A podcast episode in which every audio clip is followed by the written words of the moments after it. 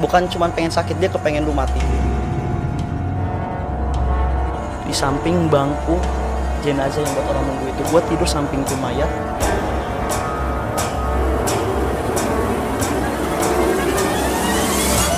Assalamualaikum warahmatullahi wabarakatuh. Selamat malam teman-teman. Balik lagi di Lentera Malam Bareng gua Jamal Dan sekarang kita lagi ada di segmen Saksi Misteri Eh, Di samping gua udah ada narasumber yang akan bercerita tentang pengalaman horornya. Kita langsung kenalan aja sama narasumbernya. Bang Respal boleh kenalan? nama gue Resvaldi Nur Evrianto Uh, gua di sini akan ceritain cerita mistis gua ya. Lebih tepatnya suka duka gua di pengalaman gua sebagai sopir mobil jenazah. Oh Nah, oke sopir oke. mobil jenazah. Ini lu eh, berapa tahun lu di kurang lebih lima tahun. Lima tahun lima ya? tahun di Oh, oke. mobil jenazah Nah ini gue sebelum apa eh, lo ceritain nih, gue pengen tahu nih, eh, lo sekarang lagi sibuk apa nih? Uh, sibuknya sih bisnis ya lebih tepatnya bisnis Bisnis apa nih? Boleh lah. bisnis ya jasa instalasi CCTV lah alat-alat keamanan juga CCTV uh, alarm sama ya kayak uh, GPS juga gitu Oh, loh Oke oke. Ini eh, di Instagram lo lo juga promoin juga kan? enggak Bisnis. enggak dipromoin karena kalau menurut gua kalau bisnis gua itu kayak begini lebih bagus sih dari referensi sih ya Referensi. aja referensi ya? gitu Oh iya. udah. Tapi referensi. ini ntar mungkin gue masukin Instagram lo Iya, aja nggak apa-apa bisa, ya? nggak Nama apa-apa. Ah, ya? ah, ah, Ya boleh. Ya udah oke. Sebelum eh, Bang Resvaldi ini cerita, eh, teman-teman saksin dulu yang berikut ini.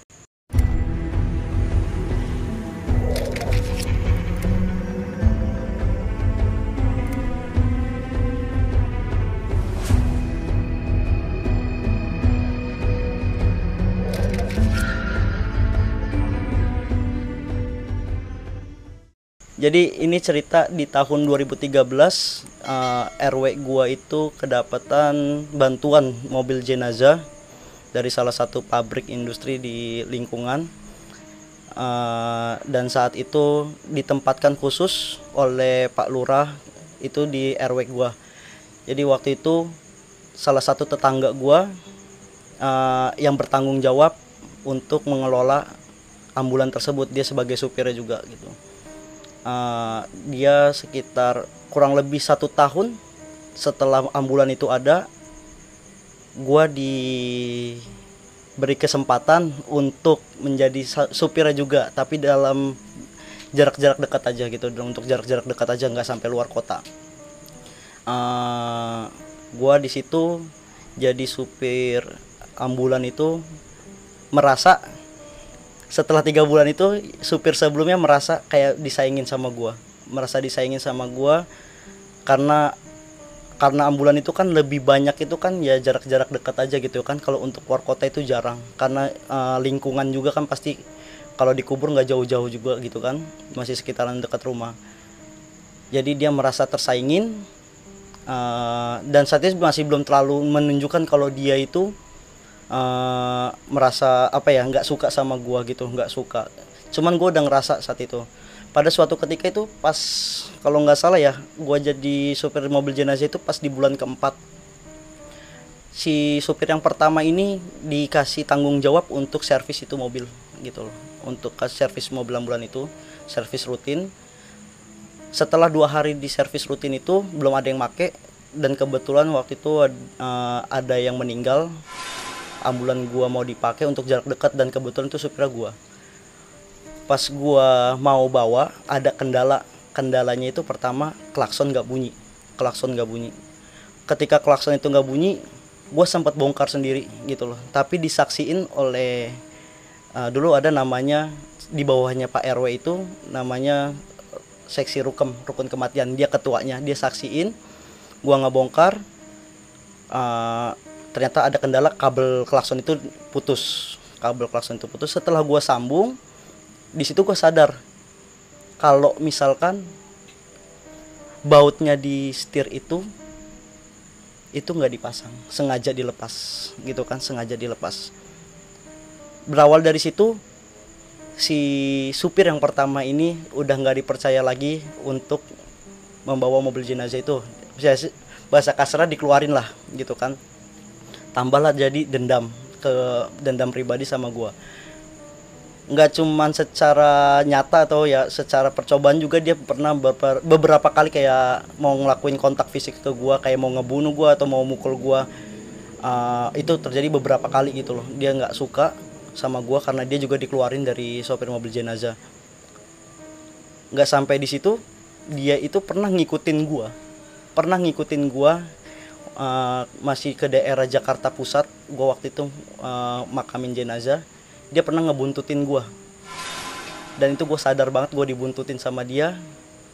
Pas pulangnya itu posisi gue sendiri. Posisi gue pulang sendiri dia itu jegat gua gitu kan jegat gua. Terus dia mengancam gitu loh ngancam gua. Tapi gue cuekin karena gue kunci pintunya terus gue tutup rapat jendela itu gue cuekin dia ngancam gue sampai gedor-gedor kaca jendela.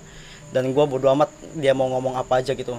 Nggak sampai di situ ternyata pas gue sampai di rumah nggak sam gue sampai di rumah itu dia sempet mau nimpah gue pakai mesin dia lagi bongkar motor posisinya gitu kan. Hmm. posisinya dia bongkar motor dia sempat mau nimpa gue pakai salah satu mesin di Vespa motor Vespa itu ke kepala gue tapi gue tapi gue bener-bener nggak gentar sama dia. Nggak gue mundur sedikit pun gue nggak. Karena gue yakin dia apa ya nggak bakal berani gitu dengan basic uh, keluarga gue gitu kan gitu. Tapi gue lama nggak sama dia udah nggak pernah ketemu. Sampai akhirnya gue terjadilah satu kejadian. Waktu itu gue lagi ikut ngejar maling. Waktu itu gue lagi ikut ngejar maling yang katanya malingnya itu lari ke atas genteng menurut warga situ gue ikut sampai lari ke atas genteng. Dan apesnya ya gue jatuh dari atas genteng itu dalam posisi duduk. Dalam posisi duduk dan itu gue sempet namanya ngalamin buta selama 10 menit nggak bisa ngeliat. Makanya gue kalau inget itu sih nyesek sekarang gue nggak bisa napas sama sekali itu karena jatuhnya duduk bener-bener duduk. Gue nggak bisa ngelihat selama 10 menit dan gue nggak diangkat dari lokasi gue jatuh sampai setengah jam karena posisi gue saking sakitnya gitu gue nggak berani diangkat nggak mau diangkat. Uh, setelah gue lewatin setengah jam itu gue langsung dibawa ke rumah sakit malamnya. Dibawa ke rumah sakit dan itu langsung di ronsen. Pas paginya gue didatengin dokter. Dokter tulang ya ortopedi uh, spesialis ortopedi. Dia bawa hasil ronsenan gua. Dan dia bilang kalau gua harus dioperasi karena empat tulang belakang gua itu belok apa uh, geser ke kanan. Termasuk tulang rusuk juga.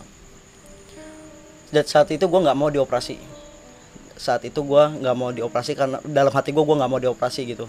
Tapi dia ngancem bukan ngancem sih maksudnya ngasih peringatan ke gua. Kalau selama tiga bulan nggak dioperasi maksimal tiga bulan gua bakal lumpuh. Lumpuh total. Nah itu gue lebih takut lagi sih sebenarnya di karena umur masih muda umur gue masih muda terus gue harus di uh, kalau lumpuh ya mendingan gue mati aja lah daripada masih muda kalau ya ataupun apa di semua dilayanin gitu kan. Nah yang gue kaget si dokter nyuruh nyokap gue keluar. Nyuruh nyokap gue keluar. Nah, dan dia ngomong empat mata ke gue dia ngomong mas uh, saya mau nanya mas pernah uh, masang ilmu gak? Di situ gue masih nggak tahu masih mikir apa ilmu ilmu apa dok gitu kan? Maksudnya apa ilmu apa? Nggak mas pernah gak gitu kayak masang ilmu kebal ataupun apa? Ah nggak saya nggak percaya gitu gituan emang kenapa gitu kan? Ini di panggul sebelah kanan itu ada per sepanjang 7 cm gitu. Itu ada di panggul sebelah kanan. Dan itu gue sempat kaget. Dan gue masih mikir yang dendam sama gue inilah ya kan? Yang supir ambulans sebelumnya karena gue mundur ke belakang selama gue masih kenal baik sama dia dia selalu ngajak gue ke satu tempat. Suatu daerah yang di mana itu pusat-pusatnya pusat-pusat perdukunan lah. Pusat-pusat perdukunan gitu kan. Dia selalu nawarin gue ayo ikut ke sana gitu. Lu mau nyari apa aja di sana bisa gitu loh. Lu mau nyari ilmu kebal lu mau gampang dapat perempuan itu di sana bisa gitu loh. Nah gue kepikiran dia saat itu. Karena yang saat itu dendam sama gue yang punya masalah sama gue cuman dia gitu loh dan saat itu juga gue minta pulang minta dipulangin dari rumah sakit. Mama gue gue suruh urus gue buat pulang ke rumah sakit. Dan setelah satu bulan gue itu alhamdulillah gue sih nggak pernah namanya selama dari jatuh itu gue nggak diurut enggak operasi pun enggak karena gue mandi air hangat aja terus gitu loh. Dan alhamdulillah sampai sekarang sih nggak ada apa-apa ya.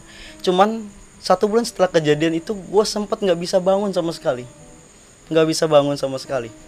Sempat gue nggak bisa bangun pokoknya gue badan gue itu dingin dan gue nggak bisa ngomong apa-apa selain menggigil. Walaupun itu gue udah keluar dari kamar gue yang AC itu gue udah nggak tidur di situ tapi gue kedinginan benar-benar kedinginan. Sampai akhirnya gue nggak bisa ngomong. Nah gue tante gue punya temen yang bisa lah bahasa kasar orang pintar gitu. Gue cuman kenal muka doang sama dia nggak sempet kenalan ataupun kayak ngobrol itu gue nggak pernah. Cuman dia ngubungin anaknya tante gue suruh bawa gue ke dia gitu loh. Entahlah dia tahu dari mana gue nggak tahu. Akhirnya besoknya gue pas gue paksain jam 6 pagi gue suruh datang ke sana udah nyampe di sana ke rumahnya dia. Pas gue nyampe di sana itu dia ngomong ke gue kalau sakitnya gue ini non medis gitu gitu. Ah, maksudnya non medis gimana? Karena gue masih nggak ngerti saat itu. Iya ada yang mau ngirim ini ada yang ngirim lu sakit supaya bukan cuma pengen sakit dia kepengen lu mati dia dendam sama lu katanya ngomong gitu. Dia dendam sama lu. Dia dia sempat nyebutin ciri-ciri fisik orang itu dan gue percaya gitu loh. Gue percaya. Karena dia ketika dia nyebutin ciri-ciri fisik orangnya yang sedang lagi bermasalah sama gue dan gue langsung saat itu gue bilang kok setega ini dia gitu ngebuat gue kayak begini? Dan dia juga eh, ngasih tahu kalau dia itu dia menyebutkan suatu daerah tempat di mana dia eh, pakai dukunnya gitu loh buat santet gua gitu kan. Dan itu gua gua lebih kaget lagi karena it, karena itulah yang dia selalu ajak ke gua gitu loh. Tempat itu yang selalu diajak ke gua buat ngajarin gua mau masang ilmu kebal gak ataupun apa gitu loh. Ah gua dia bilang kamu mau eh, kamu saat itu gua disuruh beli ayam apa tuh? Ayam apa ya, pokoknya yang warnanya hitam semua itu darahnya cemani. cemani ya ayam cemani.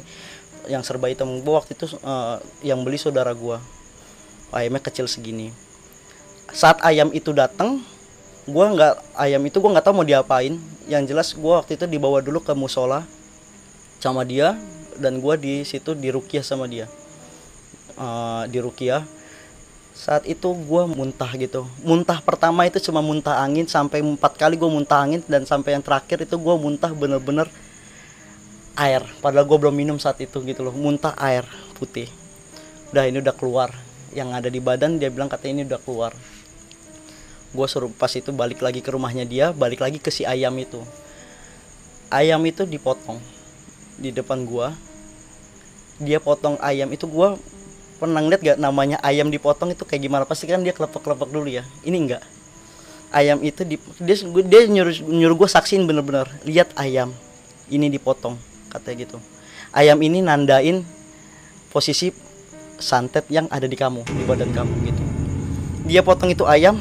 Ayam itu mati seketika tanpa nah napas terakhir itu ataupun kelepek-kelepek itu itu nggak ada sama sekali. Gue bener-bener nggak gue ngeliat. Darah itu dikumpulin terus dibuang ke kali. Termasuk sama ayam-ayamnya gitu loh. Dan dia bilang ini udah bersih. Badan kamu posisinya udah bersih. Dia yang bawain gue satu air eh, air mineral gitu yang dia udah bacain atau nggak tau lah. Dia bilang pulang ke rumah setengahnya buat mandi buat kamu mandi setengahnya lagi ini buat cuci mobil ambulan itu gitu loh. Karena permasalahannya di situ letak permasalahannya gitu kan. Dan, dan dia ngasih syaratnya mandiinnya it, apa nyuci mobilnya ini tuh dari belakang ke depan bukan dari depan ke belakang gitu. Nah, saat itu gue nyuci bareng teman-teman gue saat itu gue nyuci bareng teman-teman gue air itu gue campurin buat apa buat nyuci mobil ambulan itu gue nyuci. Selesai gue nyuci gue biasanya kalau sebelum ngelap mobil itu dalam keadaan kering gue nyalain dulu mobilnya gitu kan nyalain gue nyalain terus gue keringin mobil itu itu teman-teman gue lagi pada main gaple waktu itu. Ingat sekali gue ada tujuh orang main gaple. Pas gue udah selesai nyuci itu mobil udah ngelapin itu mobil ambulan gue masuk ke dalam mobil itu mau mindahin mobilnya lagi gitu loh, buat gue parkirin. Gue baru masukin oh gigi gue baru majuin pas gue masukin eh mundurin pas gue mau ma- majuin lagi gue udah masuk gigi ma- satu itu buat majuin. Tiba-tiba gue dengar suara nangis di ambulan itu gue dengar suara nangis. Gua buka itu sekat yang buat ngelihat ke jenazah. Gua buka sekat itu. Suaranya makin jelas. Dan gue dalam hati tuh ngebatin ini ini bukan suara mesin mobil. Karena mesin itu kan dari belakang itu kan. Ini bukan suara mesin mobil. Ini suara orang nangis gitu. Dan dengkul gue udah lemes gitu loh. Dengkul gue udah lemes terlanjur lemes. Sampai tuh mobil kelepas koplingnya dan naik ke atas trotoar dan gua nggak berani sampai jam 8 pagi dari jam 10 malam sampai jam 8 pagi nggak berani masuk itu mobil ambulan. Mobil itu dalam keadaan di atas trotoar. Temen gue pada nanya saat gua kabur keluar dari ambulan itu temen gue ikut kabur juga. Karena pasti ada yang nggak beres gitu. Gue sebenarnya basicnya gue tuh penakut gitu loh. Penakut dulu itu penakut banget. Tapi semenjak gue jadi sopir jenazah ya teman-teman gue pada mikir kalau pemberani sekarang gitu ya kan? Nah gue balik lagi ke situ gue kabur ke rumah gue telepon lah itu yang nyembuhin gue itu. Gue telepon gue manggil dia om. Om uh, udah dicuci ini mobil gini gini gini. Gue sitain ada yang nangis. Terus gimana? Coba kamu lihat itu mobil. Boro-boro gue bilang suruh ngeliat itu mobil. Gue aja udah ketakutan gitu loh. Enggak harusnya kalau dia itu kalau misalkan posisinya nggak kuat dia bakal jadi batu. Gitu katanya. Dia bakal jadi batu katanya. Kalau dia nggak kuat dia bakal jadi batu gitu dan jam 8 pagi itu sekitar jam 8 pagi gue berani masuk ke mobil ambulan itu. Yang dia omongin orang itu yang nyembuhin gue itu bener. Gue nemu batunya.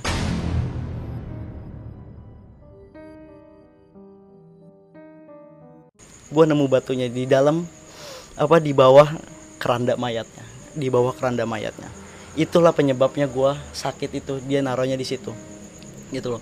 Dia naruhnya di situ dan sampai saat itu gue masih belum selesai tuh.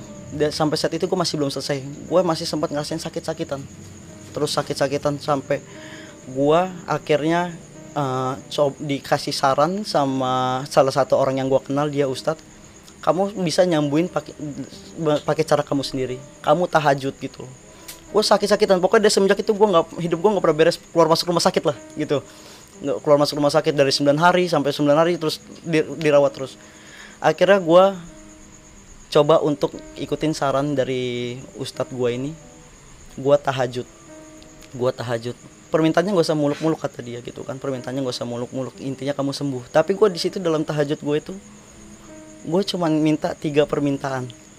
Pertama uh, tunjukin kalau misalkan gue bener kena santet. Kedua tunjukin siapa orangnya.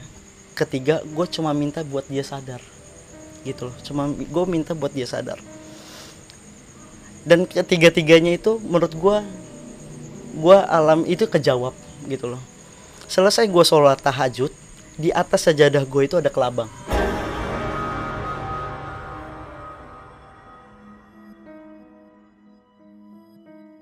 Waduh. Ketika gua mau gul gulung sajadah itu di kamar, itu kelabang itu posisi hidup warnanya hitam, full hitam. Biasanya kan kalau kelabang biasa kan tuh palanya orange ya ujungnya. Ini enggak, dia hitam. Full hitam. Nanti kelabangnya ada kok gua gua gua fotoin nanti ya. Uh, gua kirim fotonya. Jadi dia itu kelabangnya hitam dan dia dalam posisi hidup itu gua khususin tuh nggak nggak mau pergi dan gua baru inget apa ini ya gitu loh. Apa ini ya? Akhirnya gua kelabang itu gua taruh di gua pakai tatakan gue taruh di atas tatakan itu dan itu kelabang tiba-tiba mati sendiri itu kelabang mati sendiri. Dan kelabang itu gue masukin ke dalam plastik. Sampai sekarang masih ada. Itu di sekitar tahun 2015 2015 dan itu permintaan pertama gue ditunjukin. Uh, santet itu ada apa enggak dan gue minta dibersihin. Terus kedua tunjukin siapa orangnya gue minta permintaan itu. Dan itu bener gue saat tidurnya gue gue dimimpiin yang bermasalah sama gue itu si mantan supir itu ngasih telur ke gue dalam mimpi gue itu. Yaitu kalau ngasih telur kan kayak ngasih penyakit kalau katanya orang yang percaya gitu. Dan ketiga gue minta ya dikasih buat dia sadar kalau yang dia lakukan itu kayaknya kejam lah menurut gue gitu kan. Ini ada satu kejadian yang pas gue ketika saat itu disembuhin sama orang pinter itu pas dia mau motong ayam itu dia sempet nanya ke gue kamu maunya apa? gitu loh. Kamu maunya apa? Dan gue nggak mau minta meluk-meluk gue cuman bilang gue mau sembuh gitu loh. Kata dia bilang oh nggak bisa gitu loh. Sistem santet itu nggak kayak gitu katanya dia. Gue baru tahu di saat itu. Dia ngasih istilah dia bilang gini nih saya nyuruh orang ngasih air ini ke ke kamu gitu loh. Nyampe di rumah kamu perantara saya ini nggak ada kamunya nolak gitu loh. Nah, otomatis si perantara ini balik ke rumah saya buat ngebalikin itu air mineral. Entah itu yang terima saya atau keluarganya atau anaknya atau siapanya gitu itu pasti keterima kayak gitu. Ya saya bilang saya nggak mau tahu pokoknya saya mau sembuh gitu loh. Itu jam 7 pagi kan gue posisi motong ayamnya itu jam sekitar jam tujuan. Gue pulang ke rumah itu sekitar ya sekitar jam 8 malam itulah jam 8 malam itu gue pulang gue kan anak remaja masjid ya. Jadi pas itu gue namanya juga ambulannya gue tuh taruh di depan masjid gitu kan. Gue nyampe di masjid itu pas gue lihat di meja masjid itu banyak makanan sama banyak rokok. Udahlah udah pasti kalau di masjid itu baik makan baik rokok abis ada pengajian gitu ya kan abis ada pengajian. Gue sempet makan. Gue lagi makan setengah itu gue makan setengah kuenya itu sambil bakar rokok. Wih gue sambil bilang gini wih banyak nih makanan nih. Habis tahlilan siapa? Gue tanya gitu. Teman gue seletuk itu habis pengajian di tempatnya si A gitu loh. Ah gue kaget gitu loh. Tempatnya si A ini ya yang bermasalah sama gua gitu loh saat itu gitu kan. Gua langsung berhenti. Siapa yang meninggal? Anaknya. Anaknya yang baru apa baru berapa bulan lahir gitu. Hah sakit apaan? Nggak tahu sakit apaan. Meninggal kapan? Tadi jam-jam 10-an pagi. Dia bilang gitu. Tuh gue ngebatin aja. Apa ini ya begitu kan menurut gue tapi gue nggak mikir uh, macam-macam cuman gue mikirnya ya mudah-mudahan itu bisa buat dia sadar gitu loh menurut gue karena memang gue tau lah basicnya dia tuh kuat banget sama ilmu perdukunan gitu loh basicnya dia. Makanya waktu saat itu gue bener-bener kaget kalau misalkan anaknya dia meninggal jam 10 yaitu beberapa jam setelah gue obatin gue diobatin itu sama dia. Jadi sih itu ya uh, cerita gue sampai bisa masuk ke permasalahan gue ya suka dukanya ketika gue mas bisa sampai masuk ke supir mobil jenazah. Tapi alhamdulillah lah kondisi gue sekarang ya semakin baik gitu lah. Tapi hubungan gue sama dia masih belum baik gitu. Dan dia juga kalau gue sih sebenarnya kalau dia lewat gue masih suka senyum gitu loh. Karena ya menurut gue ya buat apa lagi sih musuh lama, banyak apa lama-lama gitu. Gue juga udah maafin dia gitu kan. Dan gue gue juga senyum sama dia tapi dia nggak balas senyum gitu loh. Ya udah sampai sekarang gue sama dia renggang begitu aja gitu loh. Tapi posisinya kalau gue sama anak-anaknya juga sih masih masih akur gitu loh. Kalau sama anak-anaknya gitu. Gitu aja sih Oke itu tadi cerita dari Bang Resval. Uh, gua sekarang mau tanya-tanya hmm. tentang cerita lo yang lo ceritain tadi. Hmm. Yang pertama itu kan lo berarti kan di santet itu ya, hmm. istilah kasarnya hmm. lah ya. Itu pernah sampai ke keluarga lo gak? Yang selama ini sih yang gua tahu nggak pernah nyampe ke keluarga gue ya. Hmm. Cuman kalau uh, gue bener-bener ngalamin itu di gua doang. Dari yang namanya gua tidur itu diganggu, sampai di bawah bantal gue tuh ada kumbang hitam yang ada tanduknya itu itu beneran ada. Ada kumbang terus ada tawon di kamar gua. Itu udah sering. Sebelum gua tahu bener-bener tahu gitu loh kan itu udah sering. Sampai waktu itu gua pernah gua tidur itu sampai gua ketakutan karena gua tidur posisi tangan gue itu panas.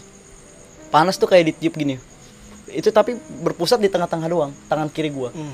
gitu. Itu panas kayak bener-bener disundut rokok iya, iya. gitu. Itu gua langsung bangun dan gue nengok nggak ada dan itu tiba-tiba lemari gue itu dipukul. Ada suara pokoknya lemari gue tuh bunyi kenceng sekali kayak dipukul gitu.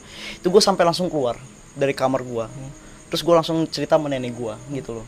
Dan nenek gue sebenarnya tahu gitu loh maksudnya udah artinya kata dia curiga kalau gue tuh dapat gangguan gitu loh saat itu. Makanya uh, eh, gue udah sering banget kayak gitu diganggu-ganggu gitu sama hal-hal mistis itu banyak banget gitu. Cuman yang barang bukti yang selalu gue pegang itu sampai sekarang ya cuman kelabang itu doang yang hasil dari gue sholat tahajud itu iya, gitu. Iya, iya. Hmm, gitu doang sama uh, soal itu kan tadi kata dokter ya mm -mm.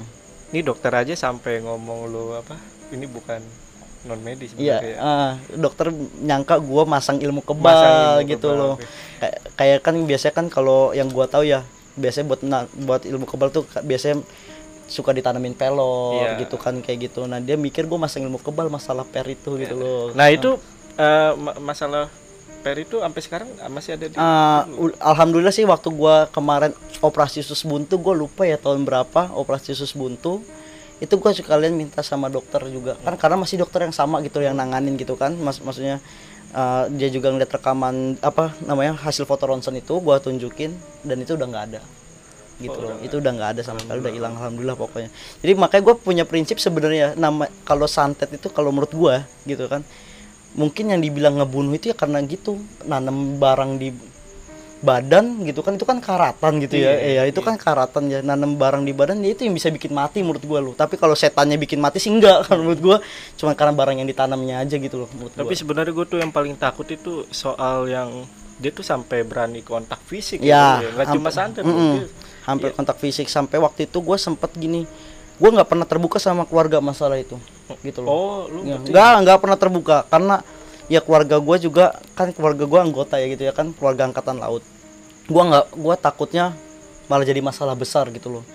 Waktu itu gue cuman cerita sama ketua rt gue ibu-ibu dia. Dia gue cuman cerita sama ketua rt gue yang tahu tuh ya sama ketua rukam rukun kematiannya itu jadi yang tahu itu. Gue sempat ngomong sama ketua rt gue bu eh, saya nggak pernah eh, saya mau cerita saya ada masalah begini begini begini. Karena dia udah pernah mau melakukan kontak fisik sama saya saya, saya pernah mau ditimpa gitu kan dan dia mengancam mau mat, mau ngebunuh saya. Saya bilang kalau ada apa-apa sama saya ibu udah tahu cerita saya cuman satu-satunya orang yang lagi punya dendam sama saya cuman dia gitu loh gue sempat berpesan itu doang tapi gue nggak pernah terbuka sama keluarga sama sekali gitu loh. nggak pernah Tapi waktu lo cerita ini kan katanya ibu-ibu ya. Iya. Lo itu nggak sampai kesebar ya. nggak nggak sampai kesebar Biasanya kan ibu-ibu iya banyak pasukan gosipnya. iya heeh. Eh, berarti ini tetangga lo ya? Iya, tapi sebenarnya gini, walaupun gua nggak cerita gitu ya, apa maksudnya walaupun nggak diceritain, tapi masalah itu tuh udah pada banyak yang tahu. Karena setiap masalah gua ribut sama dia, nggak bukan cuman gua berdua gitu loh, ada saksi gitu loh, ada saksi, jadi pada tahu semuanya gitu loh, pada tahu. Dan sekarang posisinya sekarang ya, gue ceritain saat ini keluarganya dia udah retak gitu loh. Posisinya dia pun sekarang hidupnya lontang lantung gitu loh. Oh, gitu. Jadi dia udah nggak sama istrinya. Dan gue baru tahu tuh kalau misalnya santet memang nggak bisa disembin tapi harus dibalikin. Ya, gua itu sih menurut kata dia. secara secara ini ya. Ya, secara- kat- ya, dia kasih pandangannya seperti itu loh gitu. Lo dikasih barang tapi lo nolak ya balik lagi tuh barang gitu loh. Sekarang kayak gitu niatnya dia mau matiin lu. Ya itu barang dia balik lagi dengan niat yang sama gitu loh. Pokoknya tugas itu harus selesai gitu tahu loh. Kalau menurut gua. Eh, tapi nggak tahu ya kalau pribadi gua sih namanya urusan mati itu ya urusan Tuhan lah gitu Iya, kalau gua menurut gua gitu loh. Dan kalau di nah ini kan menarik Hmm. nih, lu kan sebagai supir jenazah dulu itu lu ada kejadian-kejadian lain gak sih waktu lu di bawa bawa Ya apa, pasti banyak lah, gitu? pasti banyak ya. Wah, boleh Ada- ceritain gak tuh? ada beberapa sih yang berkesan ya jadi ada sih ya beberapa pengalaman gue pengalaman bener-bener mistis ya. Yang pertama itu pernah ada yang meninggal. Itu nggak jauh sih posisi dari rumah masih lingkungan satu rw juga.